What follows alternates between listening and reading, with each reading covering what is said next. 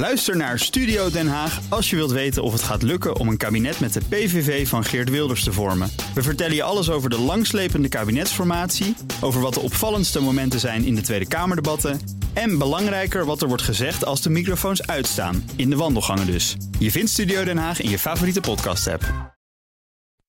De BNR Techniek Tour wordt mede mogelijk gemaakt door Techniek Nederland. De makers van morgen. BNR Nieuwsradio. De Techniek Tour. Carlijn Meinders.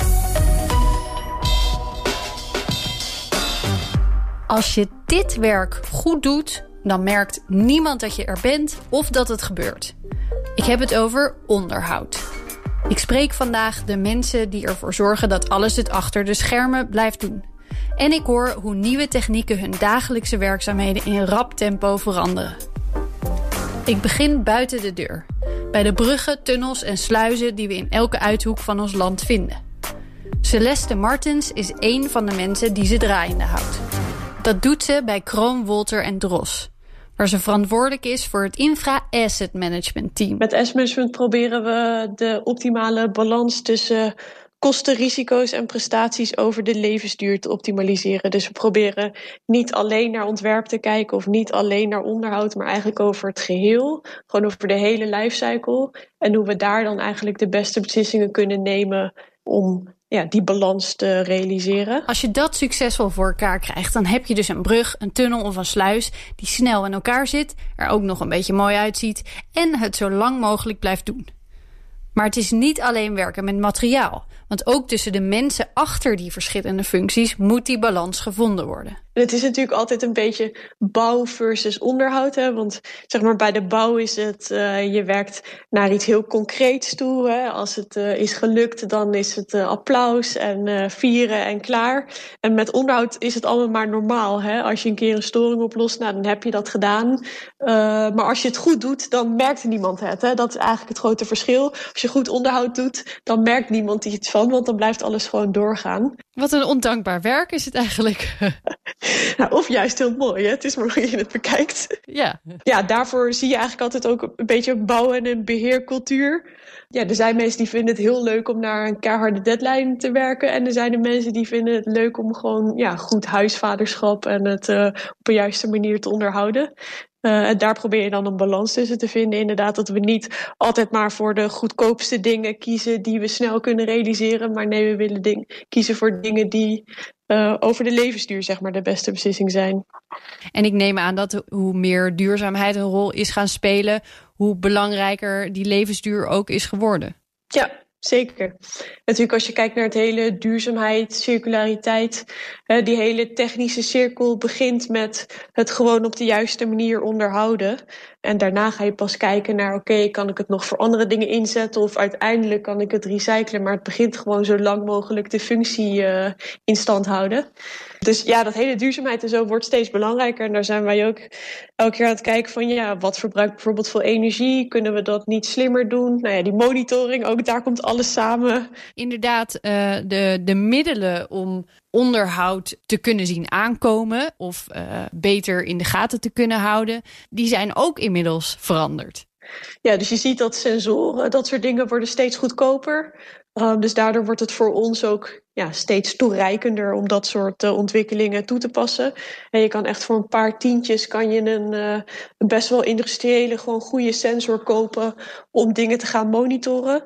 Dus waar je voorheen ziet dat we eigenlijk echt op basis van kennis van de monteurs en de monteurs die naar buiten gaan met bepaalde inspectieformulieren om op die manier zeg maar data te genereren, ja, gaan we veel meer toe naar het real-time verzamelen van data en op basis van die data beslissingen nemen in plaats van alleen op basis van de kennis die de monteurs in huis hebben. Ja. En de monteurs worden ook steeds schaarser, dus we moeten het ook op deze manier gaan doen, omdat we eigenlijk alle mogelijke dingen willen combineren om, uh, ja, om gewoon zo goed mogelijk onderhoud uit te kunnen blijven voeren. Vraagt dat ook om een ander soort monteur, zeg maar? Want je moet ineens naast met je handen kunnen werken en inschattingen kunnen maken, moet je ook nog allerlei data kunnen lezen. Uh, ja, zeker. Ik denk dat het sowieso van de monteur vraagt om ook zeg maar, open te staan om dat soort nieuwe technieken toe te passen.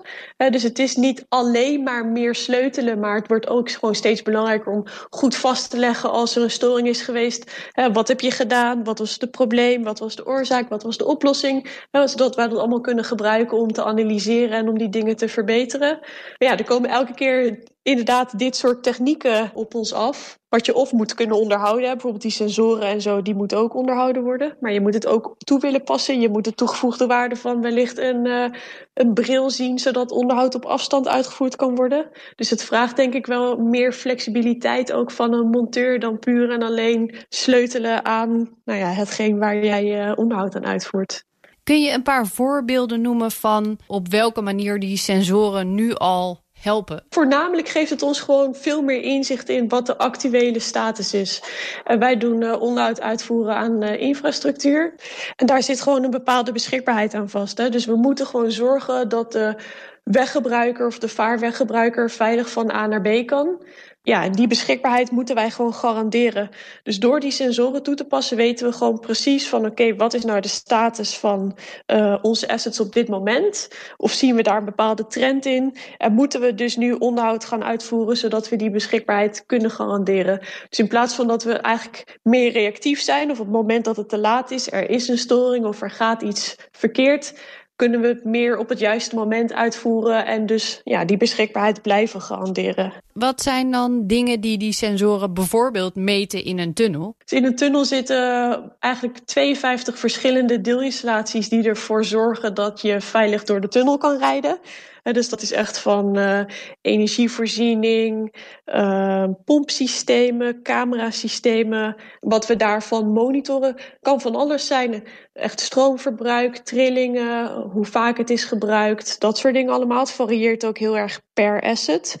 Want uh, je kan je voorstellen dat voor werktuigbouwkundige dingen, dus die slijten, die meer aan slijtage onderhevig zijn, ja, dat je daar andere dingen van kan monitoren dan van elektrotechnische dingen.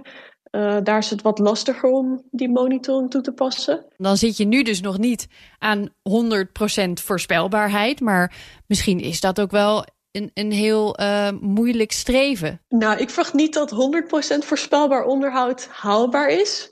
Maar ik denk wel dat het een mooi streven is. Maar natuurlijk is ook daar elke keer de afweging maken van uh, ja, wat kost het en wat levert het ons op.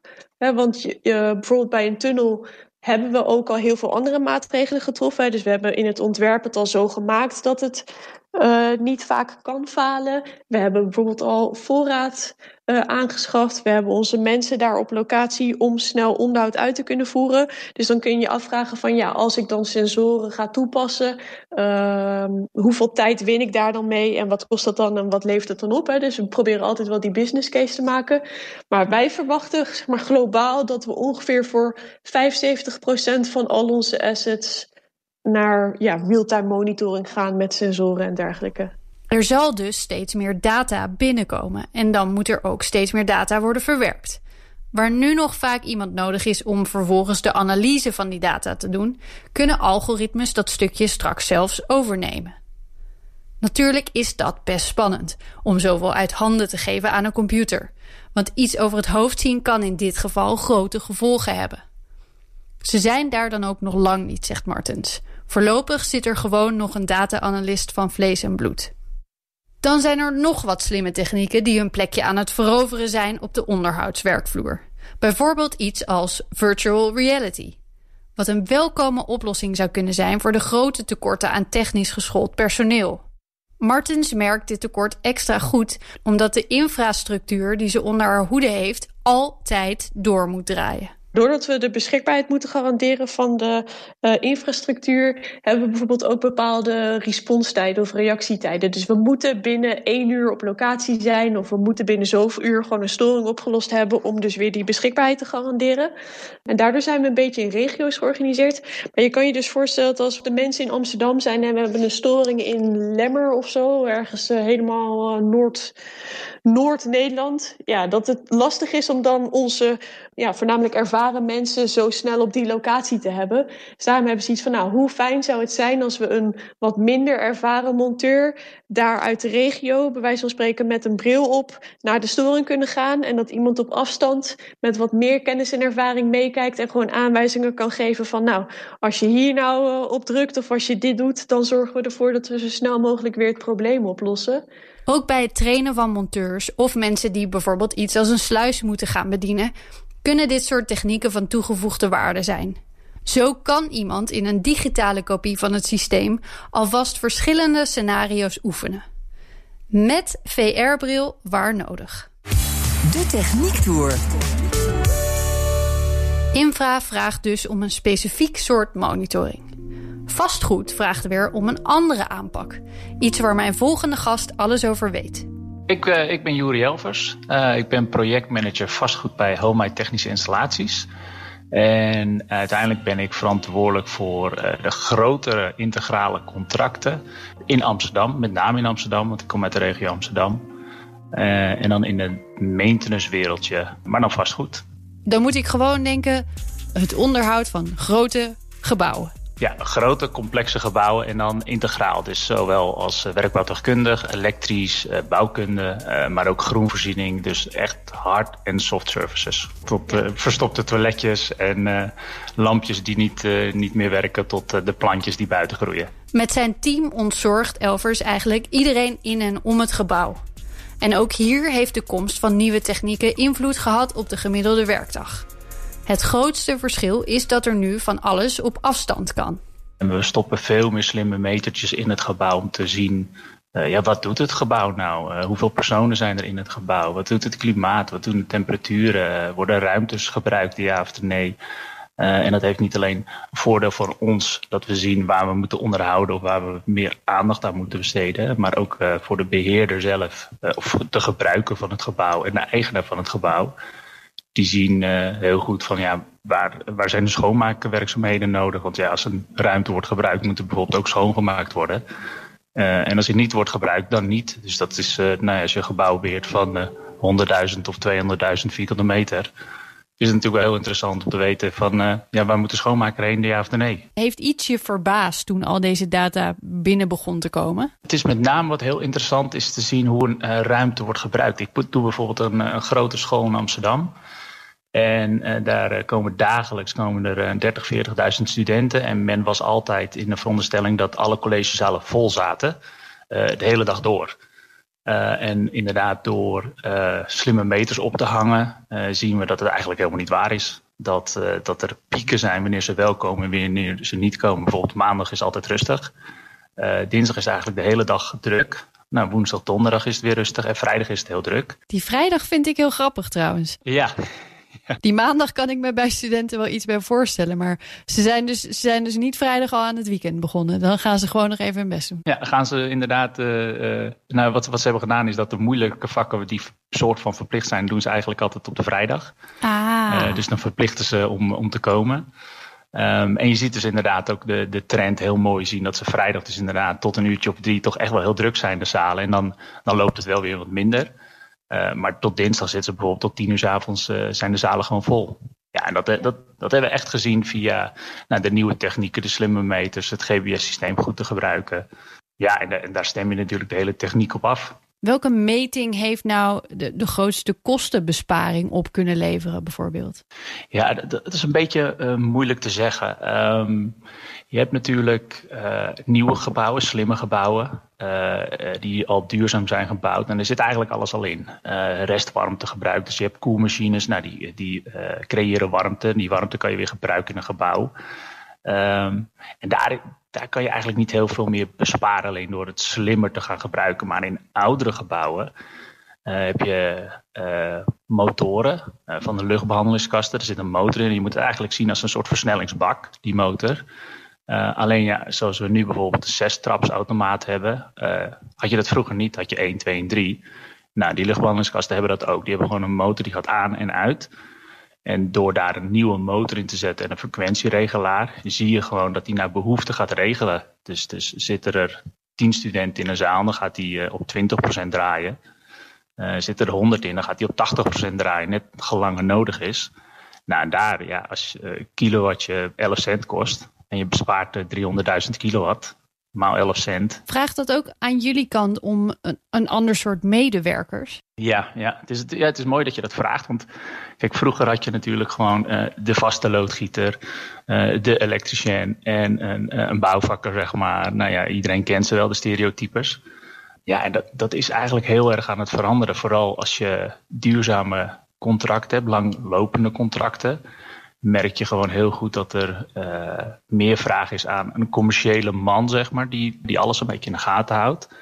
En daaronder heb je een echt een spinnenweb zeg maar, aan medewerkers. En, en denk dan aan dataspecialisten, procesmanagers, calculatoren, projectcoördinatoren, nou ja, sprinkler, brand, uh, IT-specialisten, dataminers. Dus het is niet alleen maar uh, het uitvoerende werk met handjes, maar er zitten ook gewoon hele slimme jongens op kantoor die al die data aan het verzamelen zijn, ja, die hebben niks met een bako of een waterpomptang of een schroevendraai te maken natuurlijk. Nee. En zijn de, de opleidingen hier ook al goed genoeg mee bezig om, om die volgende generatie, die misschien nog wel veel meer moet kunnen, uh, uh, klaar te stomen? Nou, eigenlijk niet. Wat wij, wat wij merken, zeg maar, is dat uh, er is wel een omslag gaande. Er zijn wat scholen die er wel mee bezig zijn, maar eigenlijk wordt iedereen opgeleid in één vakgebied. En natuurlijk heb je de ICT'er. Uh, en, en, natuurlijk heb je een, een, loodgieter of een elektricien. Maar eigenlijk wat, hè, wat we zoeken is het schaap met die, met die vijf poten. Uh, die eigenlijk alles kan. Want als je in een gebouw komt en, en je hebt dus een vraag van... Hey, een simpele verlichting doet het niet. ja, dan heb je iemand nodig zeg maar, die naar de verlichting kan kijken. Maar misschien is het wel een aansturing vanuit het computersysteem, vanuit het gebouwbeheersysteem. Ja, dan moet je natuurlijk daar ook kennis van hebben. En dat is hetzelfde als er een lekkage is aan, aan hemelwater of aan een pomp. Ja, je hebt ook een elektricien nodig om te kijken wat gebeurt er in die regelkasten. Wordt die pomp aangestuurd? Want hij kan wel stuk zijn, maar het hoeft niet altijd stuk door een manco of een defect te zijn. Het kan ook stroomtechnisch zijn. Dus uh, nee, er zijn eigenlijk heel weinig opleidingen die het doen. We hebben nu wel een leuke samenwerking met uh, VTI, Technische Installatie Amsterdam, de vakschool. En die zijn wel jongens aan het opleiden uh, als commerciële techneuten, zo noemen ze het. Eigenlijk van nou, een, slimme techneut die van alles wat weet, maar ook kan praten. Hè, want hè, we kennen de meeste techneuten, die zijn toch een beetje stug. die kunnen heel goed in hun uh, bitjes en bijtjes en over nou ja, hun werk praten. Um, maar ja, dat moet je ook nog uitleggen zeg maar, aan, aan de gebruiker van het gebouw. Um, en, daar zijn ze mee bezig. En het is grappig om te vertellen dat die opleiding zo in trek is dat ze nu aan het zoeken zijn naar meer leraren. Om uh, ja, al de aanmeldingen te kunnen voorzien. Commerciële klussers dus, die hebben we nodig. Ondertussen proberen ze onderhoud ook steeds meer te voorspellen. Precies weten hoe lang een apparaat mee zou moeten gaan, hoeveel hij heeft gedraaid en hoe ver je die levensduur nog kunt rekken. Zodat je hem precies op het juiste moment vervangt voordat hij stuk gaat. Hoe dicht denkt Elvers bij die 100% te kunnen komen? door alle kennis die je door de, door de jaren hebt en de samenwerking met alle bedrijven, kan je toch wel echt 80, 90 procent echt wel goed gaan voorspellen. Want je, je, ja, je kan, tegenwoordig kan je natuurlijk alles meteren en zet je overal een slimme sensortje op en je ziet precies zeg maar, wanneer het uh, defect raakt, ja of nee. Uh, een mooi project van ons, nou ja, dat is, is de metro, zeg maar, lijn in Amsterdam. Een naam hoef ik niet, niet te noemen, maar iedereen weet waar ik het over heb. Ja. ja, dat mag natuurlijk niet uitvallen. Daar hebben we een betrouwbaarheid van 98% kunnen creëren. Door inderdaad, nou ja, voorspellend predictive maintenance uit te voeren. En dan inderdaad op draaiuren, op cyclus, op metingen. En inderdaad de frequenties die, die we dan zien. Want ja, alles heeft natuurlijk een einde levensduur. Uh, en als je dat uh, makkelijk bij een auto, als je band onder de 3 mm zit, moet je hem vervangen. Uh, dat weet iedereen. Nou, dat is eigenlijk ook met apparatuur. Als hij op een gegeven moment een bepaalde frequentie of een waarde niet meer haalt, dan moet je hem vervangen om de betrouwbaarheid te kunnen garanderen. Het lijkt me zo lastig, omdat je, nou ja, je sensoren, dat, dat ligt voor de hand. Die meten bijvoorbeeld druk of gewicht, al, al dat soort vrij tastbare dingen. Maar als je het gaat hebben over elektrische apparaten of bijvoorbeeld zoiets als een camerasysteem of zo. Eh, dat lijkt me dan weer heel moeilijk. Hoe kun je met een sensor voorspellen of een camera het over een week niet meer doet? Ja, nou ja, ja, het is eigenlijk heel goed dat je het vraagt. Want dat is juist het, het eigenlijk het, een beetje het makkelijkste verhaal. Uh, want alles heeft een vermogen. Net zoals je koffieapparaat, als je die aanzet, zeg maar, uh, heb je 1000 watt bijvoorbeeld. Of je waterkoker. Hè? Iedereen kent de waterkoker, 2000 watt. Nou, dat is het vermogen wat die gebruikt als je aanstaat. Nou, als die op een gegeven moment begint op te lopen, hè, dan heb je een metertje, die zet je erop en dan zie je dat die in plaats van 2000 2500 gaat doen betekent dat hij zwaarder gaat lopen, dat hij meer verbruikt. En daaraan kan je dus ook voorspellen van, nou, gaat het niet zo heel lang meer doen, want hij is zichzelf aan het opblazen. Uh, hij gebruikt te veel vermogen. Heb je dus zo'n slimme thermostaat in huis en zie je ineens dat je tosti-apparaat oploopt in verbruik, dan kun je alvast een nieuwe bestellen. Een stukje voorspellend onderhoud voor thuis. Grootste uitdaging voor Elvers wordt de komende tijd de C-energielabels die per 2023 verplicht zijn. Tussen de panden die hij beheert zitten er ook uit 1969. En ja, toen bestonden er nog helemaal geen energielabels. Genoeg te doen dus de komende tijd. Van het onderhoud van bruggen en sluizen gingen we naar vastgoed. Nu duik ik nog even de muren in waar de leidingen lopen. Want die moeten samen met het water dat er doorheen stroomt ook onderhouden worden. Er moet bijvoorbeeld worden voorkomen dat water stilstaat en iets als legionella een kans krijgt. De manier waarop gezorgd wordt dat dit gebeurt, wordt ook steeds slimmer. Expert Harm Roffelsen probeert vanuit Wimtech een paar nieuwe technieken in Nederland te introduceren die vooral interessant zijn voor de zorg. Hij vertelt er graag meer over. Er zijn uh, mogelijkheden zeg maar, om dit helemaal te automatiseren. En het bedrijf waar ik uh, voor werk uh, heeft het zo ver geautomatiseerd dat je naast dat je zeg maar, ervoor zorgt dat legionellen minder voor kunnen komen, ook nog water kunt besparen. En dat doen wij met, zoals Mark Rutte doet, de intelligente lockdown. We zorgen ervoor dat dat we intelligente kranen maken. En niet alleen kranen, maar ook uh, uh, en keukenarmaturen. Daarnaast ook nog eens een keer uh, zeg maar, spoelingen die gebruikt worden op wc en, en, en toiletten, urenwaar en wc. Kun je al die verschillende opties dan op afstand bedienen? Ja, er is sinds afgelopen jaar hebben we daar iets nieuws voor. Een tablet. met dat tablet kan ik heel erg slim elke kraan afzonderlijk instellen. Maar of ik nou één kraan heb of 400 kranen, mijn instelling die ik op één kraan eh, gebruik, die kan ik zo overbrengen naar al die andere kranen. Dat doen we met infrarood, hè, dus op, eh, op, eh, op afstand. Want infrarood is eigenlijk het beste medium ervoor ten opzichte van bijvoorbeeld Bluetooth of andere mogelijkheden, wifi. Waarom is dat zo? infrarood is het meest betrouwbaar. Bij wifi kun je wel eens een storing krijgen of dat eruit ligt. Ziekenhuizen zeggen ook van uh, wij willen zeg maar daar veiligheid voor hebben. En, en wifi is zeg maar voor ons af en toe best wel onbetrouwbaar. En dus we hebben de, de mogelijkheid om dat met infrarood te doen. We kunnen dat protocoleren, we kunnen dat opslaan. Ehm, we kunnen elke kraan kunnen we, zeg maar instellen. En wat kun je dan vervolgens automatiseren? Dat een installatie in een gebouw uh, zeg maar, uh, er, daar wordt water overal getapt. En er zijn bijvoorbeeld tappunten. Die worden veel gebruikt. Er zijn tappunten die worden weinig gebruikt. En daar is die intelligente kraan, eh, zeg maar, nou voor. Die weet precies hoeveel water hij eigenlijk al verbruikt heeft. Of hoeveel water al gestroomd is. Dat slaat hij op. En ehm, als er nou gespoeld moet worden, want het is heel verstandig om voor drinkwaterhygiëne, zeg maar, water te gaan verversen, dus wasser moet stromen, is het verstandig eh, om dat met een intelligente kraan te doen. Die weet precies zeg maar, hoeveel water die al verbruikt heeft. En die hoeft hij eigenlijk nog maar zoveel na te spoelen. Je kunt hiermee dus kranen, maar ook douches en wc's automatisch op afstand laten spoelen. En alleen wanneer echt nodig. Zo zorg je dat het leidingwater niet stilstaat en er geen verontreiniging optreedt. En het scheelt water en tijd. En daarmee zijn we aan het einde gekomen van deze uitzending. Volgende week heb ik het over snelbouw.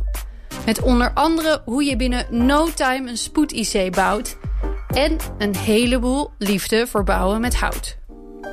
Tot dan vind je alle afleveringen van de Techniek Door online en in de app. De BNR Techniek Tour wordt mede mogelijk gemaakt door OTIP. Binnenkort Wijtechniek.